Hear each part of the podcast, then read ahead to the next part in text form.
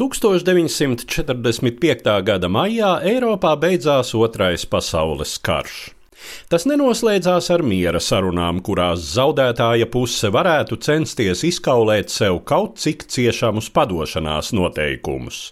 Šoreiz no sakautās puses nacistiskās Vācijas tika pieprasīta bezierunu kapitulācija, kas nozīmēja, ka uzvarētājas valstis lēma, vai tāda Vācija vispār turpmāk pastāvēs un kāda tā būs kas attiecās uz izdzīvojušajiem nacistiskā režīma līderiem, kuru agresīvā un rasistiskā politika bija ierāvusi pasauli nepieredzēti postošā konfliktā, tad viņiem bija lemts tribunāls. Apsūdzību uzturēja četru lielāko uzvarētāju valstu - Lielbritānijas, Francijas, Padomju Savienības un Savienoto valstu pārstāvji.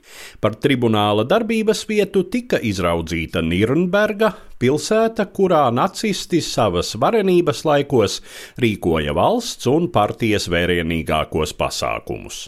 Spriedums galvenajā prāvā, kurā tiesāja Hitlera režīma ietekmīgākās personas, tika pasludināts 1946. gada 1. oktobrī. Tika piespriesti 12 nāves sodi, 3 mūža ieslodzījumi, 4 citi pamatīgi ieslodzījuma termiņi, 3 apsūdzētos attaisnoja.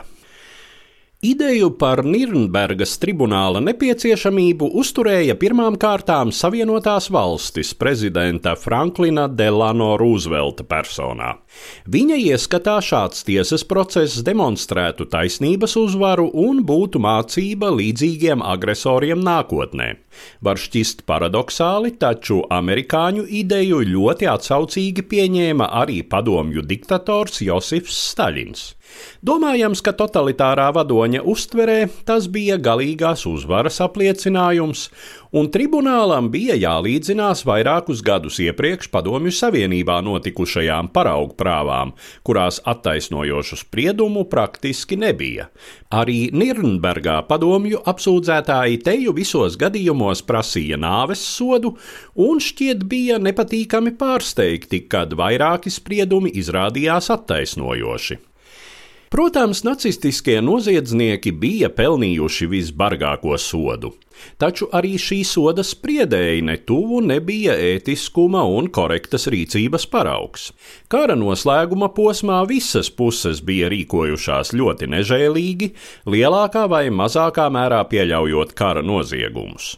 Jau neilgi pēc prāvas sākuma starp uzvarētājām valstīm tika noslēgta slepena vienošanās par to, kādu jautājumu izvirzīšana prāvā nav pieļaujama. Tā tika garantēts, ka netiks apšaubīta tiesā tiesātāju morāli pārākā pozīcija un tiesības sodīt sakautos. Sevišķi ētiski apšaubāma bija epizode, kurā padomju puse mēģināja apsūdzēt vāciešus poļu virsnieku masu slepkavībā Skatiņas mežā. Te no aizstāvjiem izdevās pilnīgi pierādīt apsūdzības nepamatotību, un attiecīgā fakta izskatīšana vienkārši tika pārtraukta. Vainīgais tā arī netika nosaukts, lai gan visiem bija skaidrs, ka tas ir Staļina režīms. Un tomēr Nirnberga ar visiem tās trūkumiem ir nenoliedzami nozīmīgs starptautiski tiesiskais precedents. Kopš sprieduma pasludināšanas šajā tiesā vismaz teorētiski neviens starptautisks varmāka un kara kurinātājs vairs nevar būt drošs par savu nesodāmību un Nirnberga ir arī tā vieta, kur pirmo reizi nepārprotami tika pateikts, ka augstāk stāvoša priekšnieka noziedzīga rīkojuma pildīšana neatbrīvo no atbildības par pastrādāto. Stāstīja Eduards Liniņš.